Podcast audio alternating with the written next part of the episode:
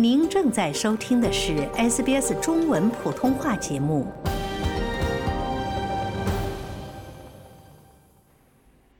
据路透社报道，美中高级官员近日在曼谷举行了坦诚的对话，旨在降低两国在台湾等问题上的紧张局势。而预计拜登与习近平将在春季举行电话会议。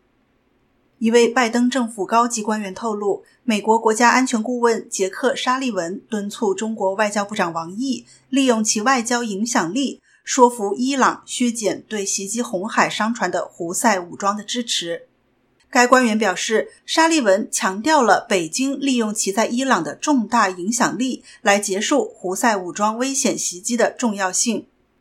据悉，本次会晤历时两天，共持续了超过十二个小时，已经于上周六结束。会晤旨在落实拜登和习近平去年十一月在加州峰会上达成的协议，恢复因存在重大分歧而中断的一系列全球安全和经济问题的外交对话，包括防务和禁毒等领域。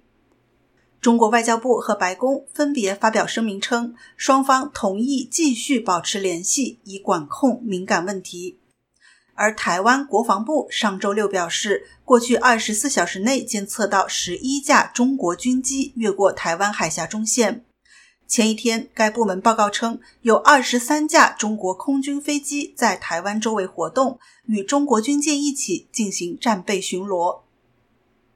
华盛顿方面担心，中国将利用本月初台湾新总统赖清德的当选为借口，来测试美国对台湾的支持。据悉，王毅表示，台湾问题是中国的内政，台湾最近的选举不能改变台湾是中国的一部分的基本事实。中方批评美国上周四派遣了第一艘军舰穿越中国和台湾之间的水域，称美国制造了麻烦和挑衅。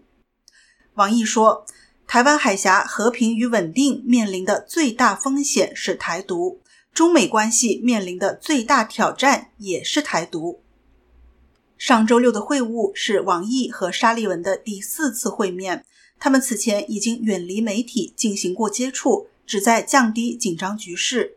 据一名拜登政府高级官员透露，本次会晤为预计在未来几个月内。可能是在春季，习近平与拜登的通话铺平了道路。这将是拜登任期内第八次与习近平会晤或通话。作为民主党人，拜登正在寻求十一月的连任。他认为直接对话是影响中国政策的最佳方式。拜登的可能竞选对手共和党人特朗普曾呼吁取消中国最惠国贸易地位。据美国官员称。王毅和沙利文还就朝鲜、缅甸和中国与菲律宾等国之间的南中国海争端进行了讨论，并同意就其中一些问题进行较低级别的对话。喜欢、分享、评论，欢迎您在 Facebook 上关注 SBS 普通话页面。